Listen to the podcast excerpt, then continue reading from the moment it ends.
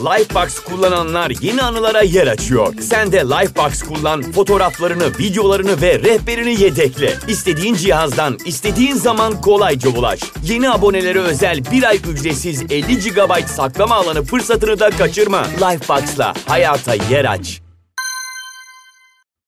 Merhabalar, ortamlarda satılacak bilgiye hoş geldiniz. Ben Merve. Bugün programın açılışını Nietzsche'nin meşhur sözüyle yapmak istiyorum. Nietzsche demiş ki, yaşamak için bir nedeni olan kişi hemen her nasıla dayanabilir demiş.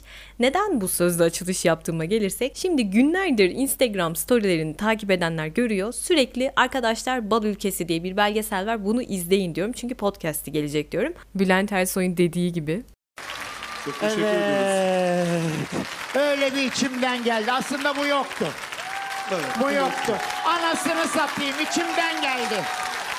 Hani bazen diyorsunuz ya Merve her gün podcast çeksen de dinlesek diyorsunuz. İşte bugün size bonus bir bölüm yapmak istedim. Böyle arada bonus bölümler atacağım. Şimdi başlamadan şunu söylemek istiyorum. Eğer Bal Ülkesi belgeselini izlemediyseniz de bu podcast'i dinleyebilirsiniz. Çünkü beni uzun zamandır dinleyenler biliyor ki ben sadece bir konudan bahsedemem. Size bugün belgesellerden, masallardan ve psikolojideki resilience dediğimiz bu esnek insanlar vardır ya. Tıpkı bir hacı yatmaz gibi kesinlikle devrilmezler. İşte bu insanların o güçlü psikolojilerinin, mukavemetlerinin, yılmazlıklarının altında ne var?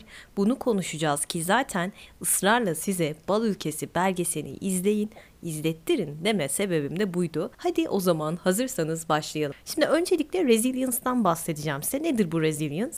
Türkçe olarak ifade edecek olursam psikolojik dayanıklılık diyebiliriz ya da işte yılmazlık, mukavemetini korumak zor olaylar karşısında yani psikolojik esneklik. Ben bunu biraz böyle bambu ağacına da benzetiyorum. Hani bambu ağacı eğilir bükülür ama tekrar eski halini alır ya böyle eskisi gibi düzelir yani.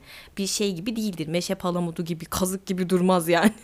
bir esnekliği vardır bambu ağacının. Ona benzetiyorum. Şimdi ben bu resilience'dan niye bahsettim? Çünkü bana sorsalar Resilience nedir deseler derim ki açın Bal Ülkesi belgeselindeki Hatice'yi bir izleyin. Onun hayatını izleyin. Bir tanık olun derim.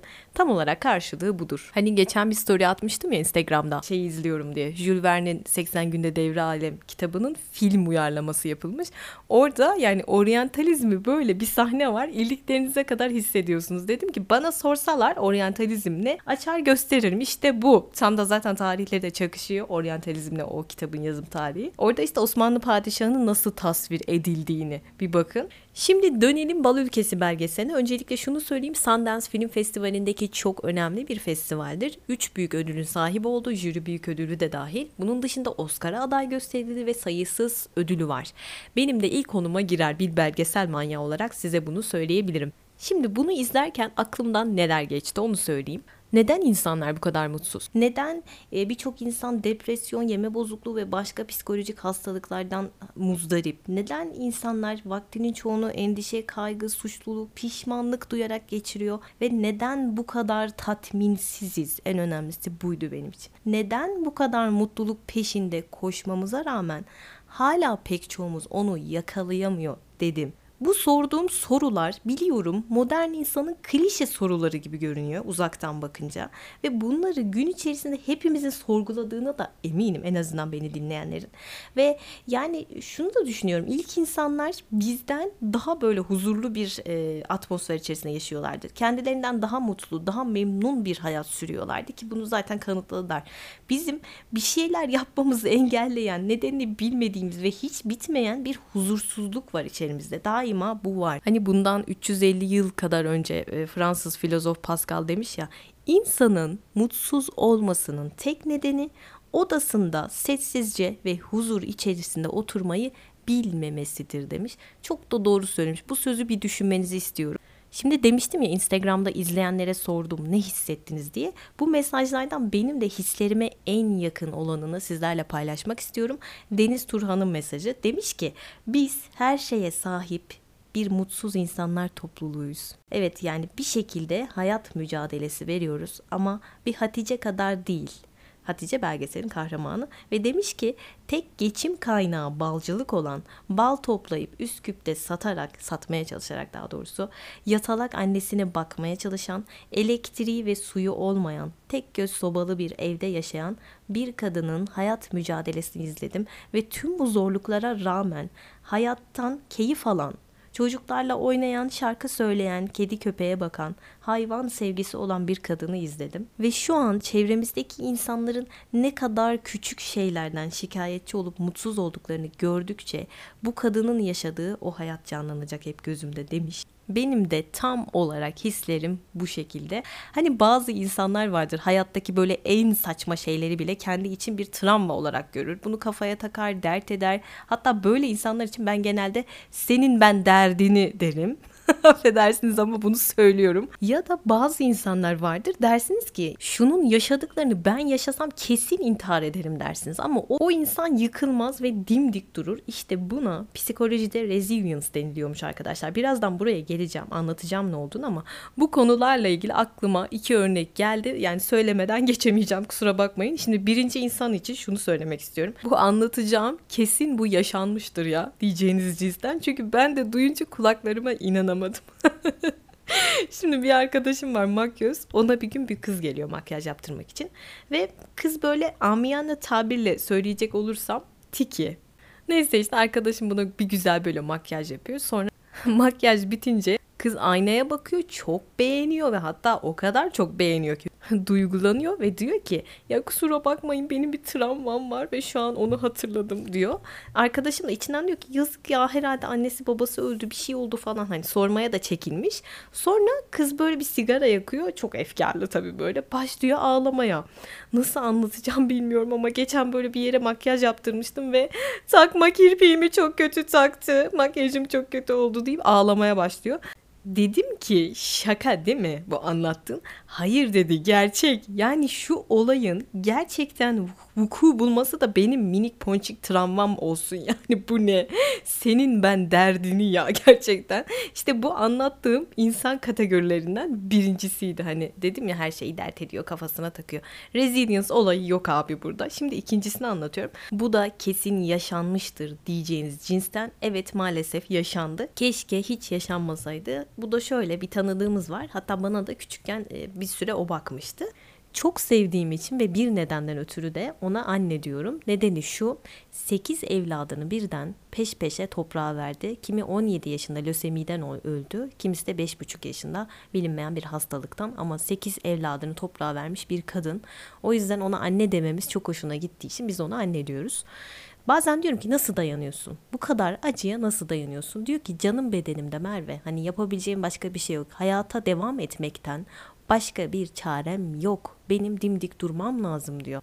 Hatta benim de sınavım bu der çoğu zaman. Şimdi diyeceksiniz ki eşiyle belki birbirlerine sarılıp destek olmuşlardır. Hayır eşinden de yıllarca şiddet gördü. Alkol problemi olan bir eşi vardı. Zaten yakın zamanda da vefat etti. Şu an yapayalnız hayatta tutunacak hiçbir dalı olmayan bir insandan bahsediyorum. Bakın iki çeşit insan anlattım. Bir tanesi takma kirpiğim yanlış takıldı diye ağlıyor. Senin ben derdini dediğim insan. Bir diğeri de 8 evladını birden toprağa gömmüş. Yine de dimdik sapasağlam hayat mücadelesi veren bir insandan bahsediyorum. Bu arada geçen bir yerde okudum. Dünyanın en büyük acısı evlat acısıymış. Bence de kesinlikle öyledir. Hani Kafka demiş ya hayata tutunmak ve kafamı toplamak için ihtiyaç duyduğum o enerjiyle piramitler inşa edebilirim. Bazı insanlar o hayata tutunma enerjisiyle gerçekten Keops piramidini bile yeniden inşa edebilir. Şimdi Bal Ülkesi belgeselini konuşmadan önce ben sizlere iki belgeselden daha bahsetmek istiyorum. Hatta önermiş de olabilirim. Biri İspanyol yönetmen Luis Buñuel'in Ekmeksiz Toprak belgeseli. Buñuel Saykosu'nun işlerini çok seviyorum biliyorsunuz zaten. E, kişiliğini sevmiyorum. Hayır, işlerini seviyorum. Bu belgesel 1933 yılında çekiliyor. Zaten Buñuel'in ilk ve tek belgeselidir bu ve zaten bir dönem yasaklanmıştı. Neden bu belgeseli öneriyorum? Çünkü tarihi açıdan sosyolojik, etnografik, kültürel birçok şeyi görebileceğiniz ve hatta bal ülkesi gibi bence yer yer çıkarımlar yapabileceğiniz bir belgesel olduğunu düşünüyorum ve tek kelimeyle şunu söyleyebilirim. Sıtmanın, dizanterinin, guatırın, tuzsuzluğun hatta ne olduğunu ben bu belgeselde anladım. Yani bal ülkesini izleyen çoğu kişinin bana geri dönüşü şu oldu. Ne kadar küçük şeyleri kafama taktığıma çok üzüldüm demişsiniz. Bu belgeselde sizde o etkiyi yaratacaktır diye düşünüyorum. Bunun dışında yoksulluğun, cahilliğin, hastalığın ve daha birçok şeyin ama duygusallıktan uzak bir şekilde verildiğini göreceksiniz. Belki bu sizi rahatsız edebilir ama bunu elin tarzı böyle. Bir de eşeğe bal sürülen bir sahne vardı. Eminim hepiniz gıcık olacaksınız. Zaten bunu elin böyle eşekle bir alıp veremediğimi var diye düşüneceksiniz. Endülüs Köpeği filmini izleyenler de o eşekli sahneyi hatırlayacaktır. Küçükken görmüş olduğu bir şey e, eşek sahnesi var gözünün önünden hiç gitmeyen. Babasıyla yolda yürüyorlar. Parçalanmış bir eşek görüyor ve bunu filmlerinde uygulamış. Yani herhalde travması bilmiyorum. Ama işte bu Noel Psycho bakmayacaksınız yaptıklarına artık. Şimdi bir başka belgeselden bahsedeceğim size. 1922 yapımı Robert Flaherty'nin belgeseli zaten belgeselcilerin babası olarak anılan bir yönetmen. Kuzeyli Nanok belgeseli. Bu belgesel de tıpkı Bal ülkesinde olduğu gibi aynı soruyu sordurtmuştu bana. O yüzden anlatıyorum şu anda. Neden? Çünkü burada da Kuzeyli Nanok ve ailesinin Kuzey Kutbu'nda geleneksel uygarlıklardan izole bir şekilde karların, buzların içerisine vermiş olduğu yaşam mücadelesini izliyorsunuz. Biraz etnografik bir belgesel. Eskimoların hayatına böyle yeniden tanıklık etmek isteyenler mutlaka izlesin. Bu arada Inuit demeliyiz yani Eskimo yerine bunu kullanmamız gerekiyormuş. Tıpkı siyahilere zenci denmesi gibi bir olay. Onlar da Eskimo kelimesinden hoşlanmıyor. Yani bir kısmı hoşlanmıyor. Şimdi gelelim neden Kuzeyli Nanok'tan bahsettiğimi. Çünkü bal ülkesinde sorduğum soruların aynısını bu belgeselde de sorduğumu hatırlıyorum. Kuzeyli Nanok'un nasıl bir hayat mottosu vardı ki her gün aynı hevesle ve sadece yemek ve hayatta kalabilmek için bu kadar mücadeleyi nasıl verdi? Her gün aynı yaşantıyı yaşadığınızı düşünün ve ailesinin sahip olduğu eşyalara bakın. Sadece gündelik eşyalar. İşte bir bıçağı var, taştan kap, mızrak ve üzerlerindeki ayı postu. Başka hiçbir şeyleri yok. Bu kadar. Bir de bu Nanok belgeselinde böyle Nanok'un gramofon dinlediği bir sahne vardı. İlk kez dinliyor. Bal ülkesinde de böyle benzer sahneler vardı. Bilmiyorum kafamda bir meç oldu bu ikisi. Bir de şöyle bir olay yaşanıyor bu işte etnografik filmlerin babası diyoruz boşuna denmemiş ya bu adama. Şimdi bu filmi çekiyor ya yönetmen. iki sene boyunca bu Kuzeyli Nanok ve ailesiyle zaman geçiriyor. Ya hangi yönetmen şu an bunu yapabilir ki? Gerçekten çok zor bir şey. Yani belgeseli izleyenler anlayacaktır. Daha da enteresan olanı film bitiyor. İşte gemiye biniyor herhalde. Geri dönmek için yola çıktığında şöyle bir keyif sigarası yakıyor ve bütün film yanıyor. İnanabiliyor musunuz? Çok kötü ya. Bütün film yanıyor ve adam tekrar diyor ki tamam o okey bir daha çekeceğim. İşte Bal Ülkesi belgeselin yönetmenleri de iki kişi biliyorsunuz. Onlar da 3 sene boyunca o Makedonya'nın ücra köyü var ya orada hani hayatlarını geçiriyorlar o belgeseli çekebilmek için. Bunlar çok ciddi emekler ya baktığınız zaman. İyi ki de hani bu filmler ödüllendirilmiş bu belgeseller. Bu Kuzeyli Nanok belgeseli de ilk antropolojik belgeseldir zaten. Dediğim gibi Eskimoların yaşantısını izlemek isteyenler. Eskimo dedim anlayın diye ama Inuit dememiz daha doğru. Çünkü Eskimo'nun anlamı çiğ et yiyen anlamına geliyor ama Belgeselde göreceğiniz üzere adamlar zaten çiğ et yiyor yani. Sadece Kanada Eskimoları o Eskimo adını aşağılayıcı buluyor. Hani Inuit deyin bize diyorlarmış. Inuit de zaten insan anlamına geliyor. Valla ben bu belgeselden çok fazla şey öğrendim. Onu da önermiş olayım. Yani bir insanın doğayla olan mücadelesi, hayatta kalma mücadelesi ve doğayla olan o bağını görmenizi istiyorum. Hatta hayvanlarla olan bağını da görmenizi istiyorum. Doğa ve hayvan demişken Netflix'te geçenlerde interaktif bir film izledim izledim. Doğaya karşı mücadele diye. İzlerken de dedim ki keşke hayatımızda interaktif diziler gibi olsa. Bassak ve bana gösterse. Merve işte suyu almak istersen bu gelecek başına. Çamurlu yoldan gidersen şöyle olacak falan. Her şeyi görsem ve ona göre yaşasam hayatı. O zaman da belki bir tadı kalmazdı bilmiyorum. Şimdi gelelim Bal Ülkesi belgeselinden benim aklımda kalanlar daha doğrusu kalbimde kalanları sizlerle paylaşacağım. Bir kere belgesel Makedonya'da çekildiği için ve Türkçe konuşulduğu için yer yer çok böyle kalbime dokundu.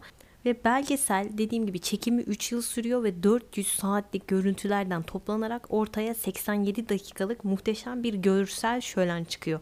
Yani mükemmel bir ışık var belgeselde. Kontrast çok iyi, renkler çok iyi, ışık çok iyi. Hatta izlerken E, Sürekli kafamda şu vardı. Bu mum ışıklı sahneleri hatırlıyor musunuz? Gece sahneleri. Anne ve kızın olduğu. Orada dedim ki Caravaggio yaşasaydı şu an Makedonya'nın bu köyüne gitmişti ve Hatice'nin resmini yapıyordu. O sahneleri yapıyordu. O kadar iyi bir kontrast vardı orada. Şimdi bu kadar dengeli ışık, renk, kontrast, işte kadrajlar vesaire bunları görünce insan ister istemez diyor ki nasıl bir ekipman kullanmış. Şöyle bir girip baktığım zaman ekipmanları hani modern zamana baktığımız zaman biraz geri kalmış. Ama hani düşünce gücü podcastinde demiştim ya elinizde ne varsa önce onu en iyi şekilde değerlendirin ki en iyisini yapmaya çalışın ki size daha iyisi gelsin. İşte bu ona vereceğim bir örnek olacak. Bu kadar yetersiz bir ekipmanla o kadar tutkuyla çalışmışlar ki işte ortaya çıkan o görsel şölenin sebebi bu aslında. O tutkuyu görebiliyorum izlerken ben. Ve bu da buna bir örnek. Yani bazen şey diyoruz ya işte bir işe başlayacağız. Ya işte benim şundanım yok, bundanım yok. O yüzden ben işte çok iyi bir iş çıkaramam. Yaparsın ki bu zaten fotoğrafçılıkta da gördüğümüz bir şeydir. Adamın ekipmanı yoktur. Atıyorum bir tane lensi vardır. Sen gelirsin bir valiz dolusu ekipmanla. Sen onun çektiğini çekemezsin. Çünkü adam ona öyle bir hakimdir ki öyle fotoğraflar çeker ki sen 30 tane lensle git yapamazsın onu. İşte burada da bunu görüyorum.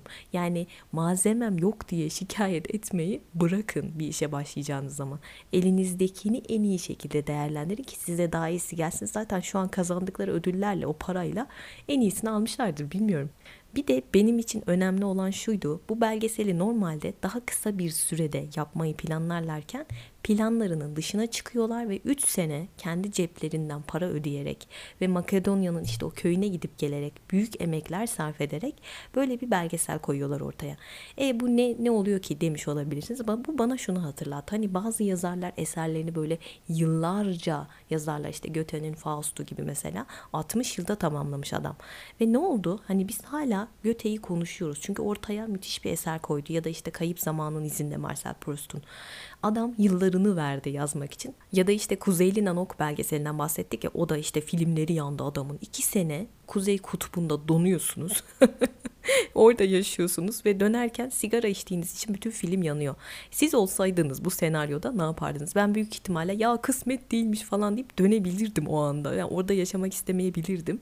Ama adamın inandığı bir şey var ve inandığı doğrular için geri döndü dönmeseydi belki biz hala onu konuşmuyor olacaktık. Yani etnografik filmin babası, belgesellerin babası demeyecektik. Bütün bunları neden anlattım bir düşündüğünüz zaman eğer bir şeye tutkuyla bağlandıysanız ve inandıysanız, tüm kalbinizle inandıysanız geçen zamanın hiçbir anlamı yok. Bazen bana mesaj atıyorlar işte Merve ikinci üniversiteyi okuyacağım ama bilmem kaç yaşındayım. Ay şimdi dört senem daha gidecek. Gitsin ya, gitsin.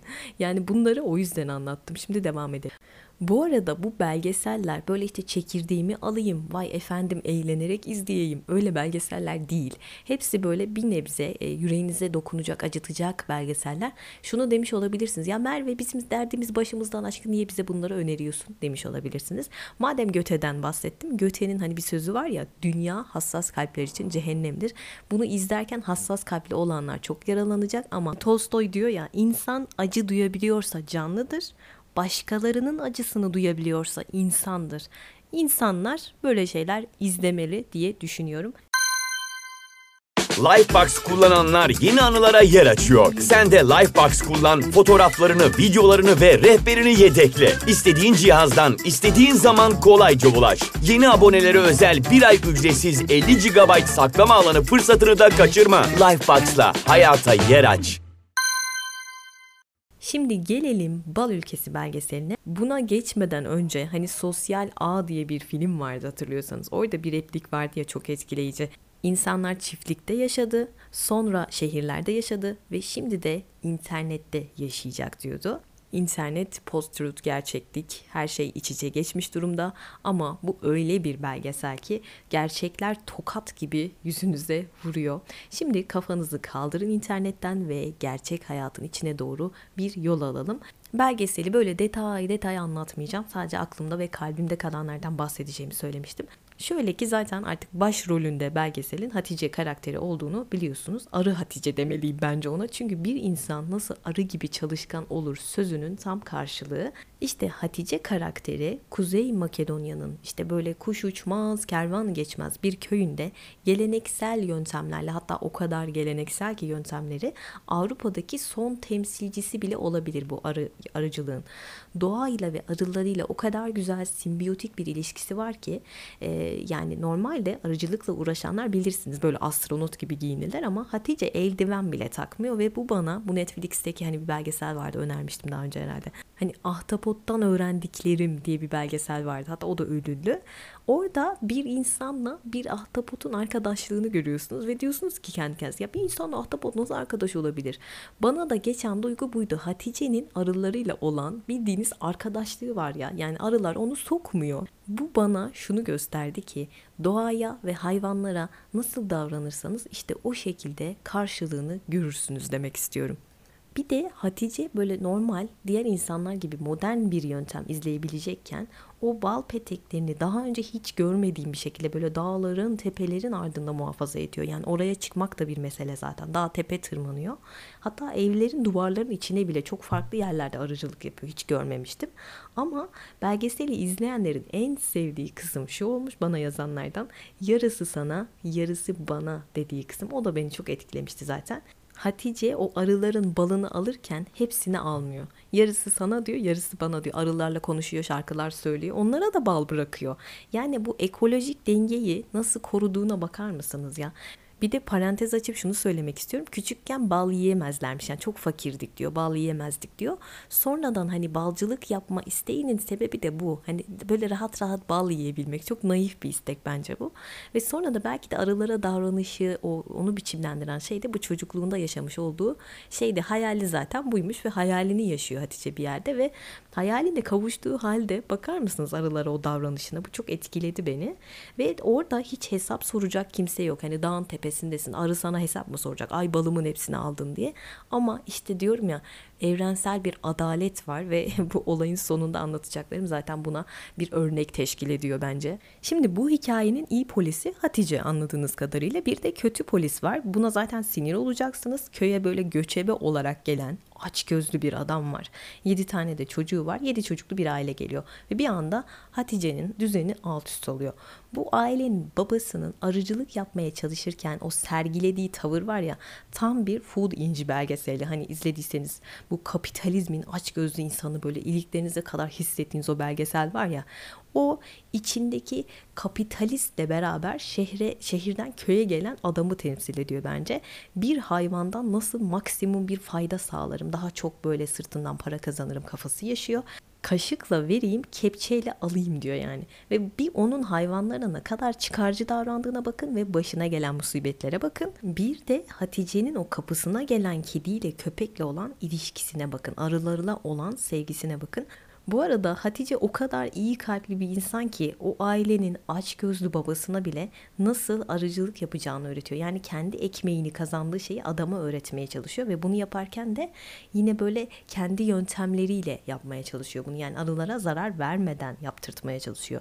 Adamın çocuklarıyla ilgileniyor. Yani o aileye yüreğini açıyor ama çok büyük bir kazık yiyor göreceğiniz üzere.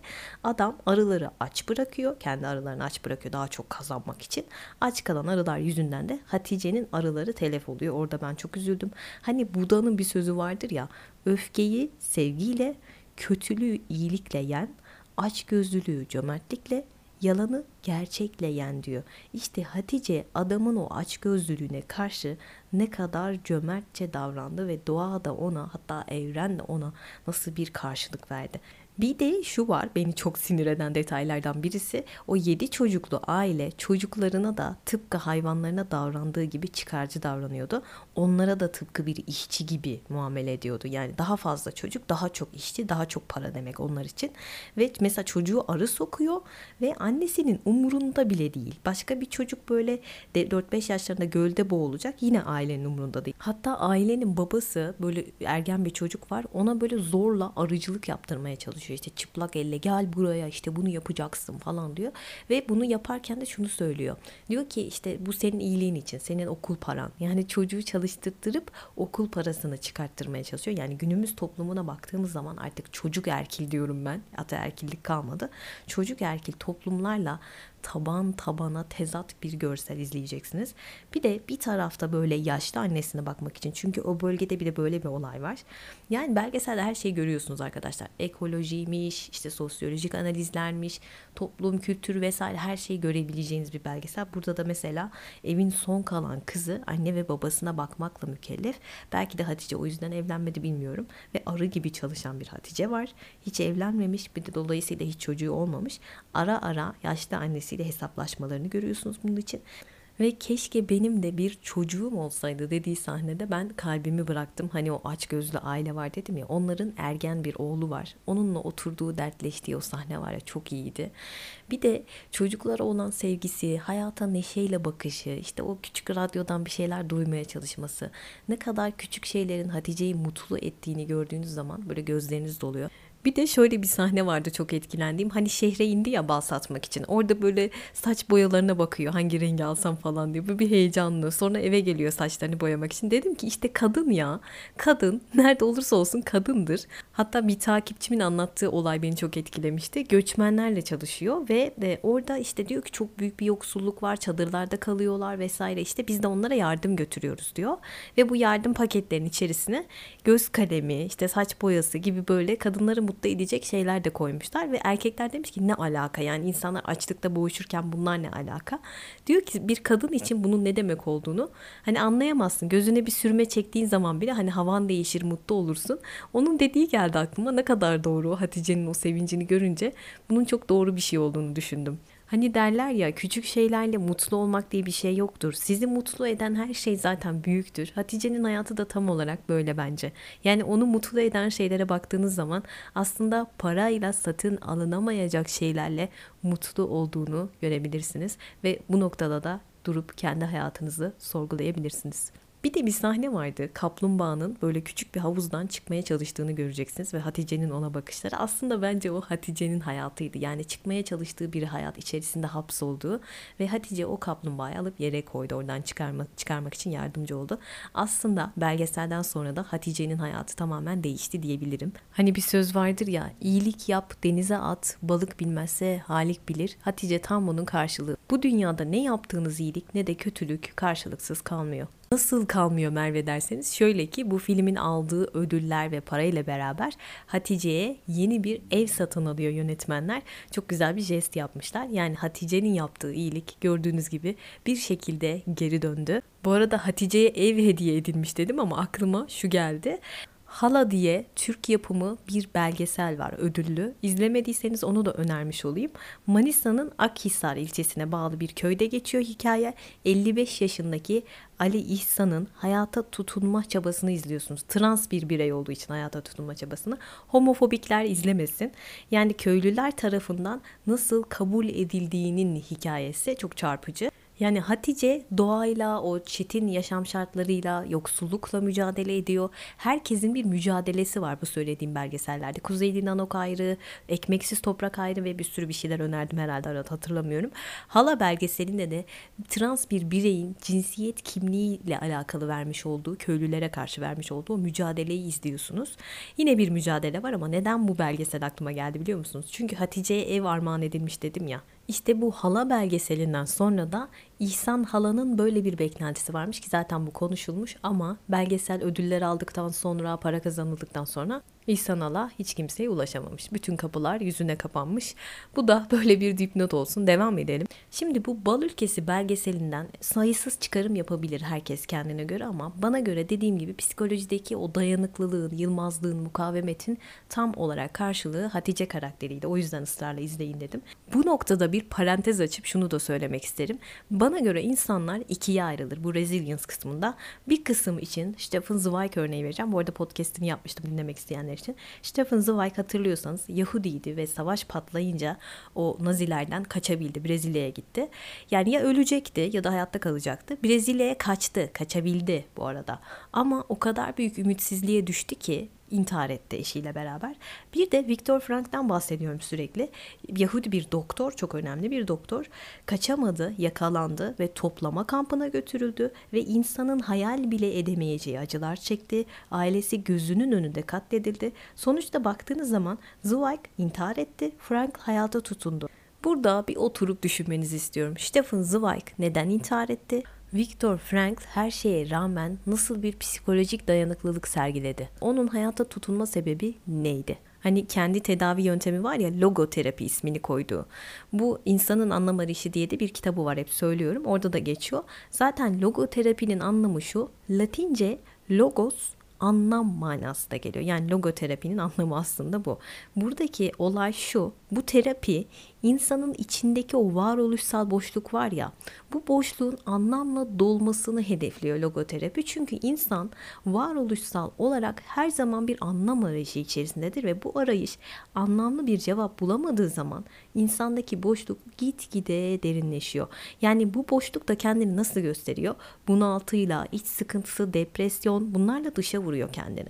Çünkü bütün canlılar içgüdüleri sayesinde aslında nerede ne yapacağını bilirken insanoğlunun içgüdüleri ona bunu söylemez ve bu anlam arayışı mücadelesinde onu yalnız bırakır.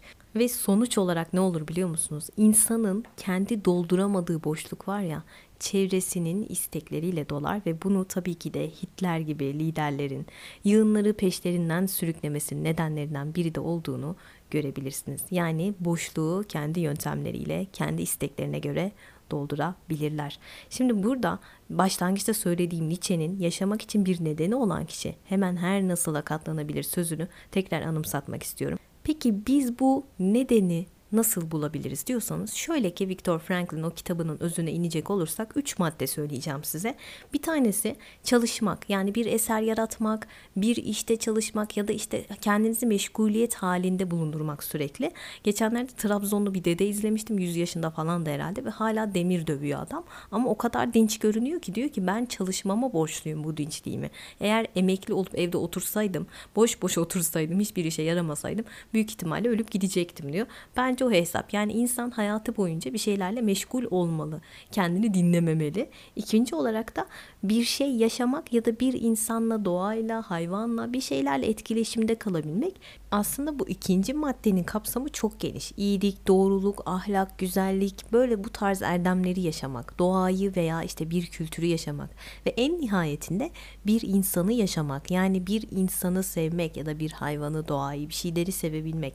Zaten bir başka insanı kişiliğinin en derindeki çekirdeğinden kavramanın tek yolu sevgidir der Viktor Frankl. Yani ona göre insan sevmediği sürece başka bir insanın da özünü bilemez. Yani bu kısımdaki sevgi aslında pek çok varlığa yönlendirilebilir ama bu anlam arayışının sevgi yönü doğaya, hayvanlara pek çok şeye yönlendirilebilir. İşte Hatice karakterinin yaptığı şey de aslında buydu. Bir diğer ve son madde de şu ki eğer bir acı varsa ortada ve bu acıdan kaçamayacaksak ona yönelik bir tavır geliştirmemiz gerekiyor. Yani bir yerde acılara tutunarak yaşamamız gerektiğini de söylüyor Viktor Frankl. Bu podcast'i sonlandırırken bir masalla kapatacağım az sonra ama beni Instagram'da takip etmek isteyenler için adresim ortamlarda satılacak bilgi Merve biz de buradayız seni dinliyoruz diyebilirsiniz bana buradan ulaşıp. Şimdi Hatice'nin hikayesine çok yakıştırdığım ve çok sevdiğim Judith Lieberman'ın kaleminden büyüklere masallar tadında bir masal anlatacağım sizlere.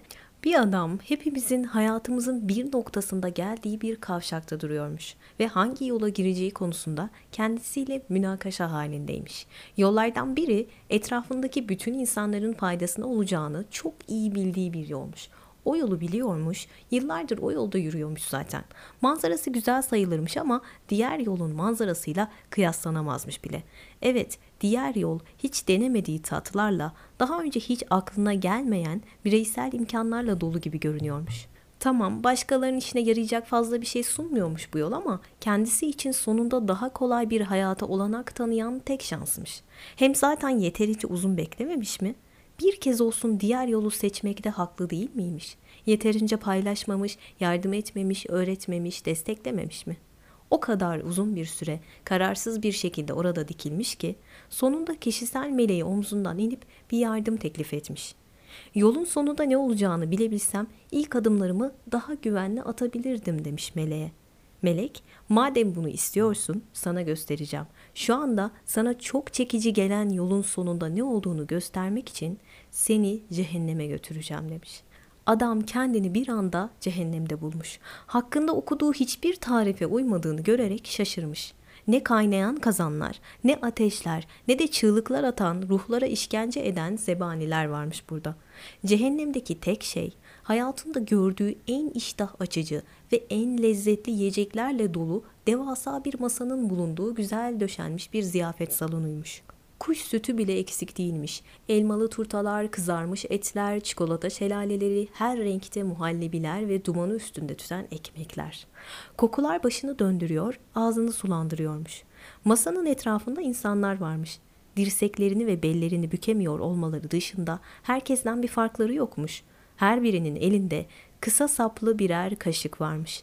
Kaşıkları doldurup ağızlarına götürmeye çalışıyorlarmış ama dirseklerini bükemedikleri için bunu beceremiyorlarmış. Bu yüzden hepsi sonsuz bir zevk ziyafeti karşısında aç ve işkence içinde oturuyormuş. Sızlanmaları ve iç çekişleri cehennemde yankılanıyormuş.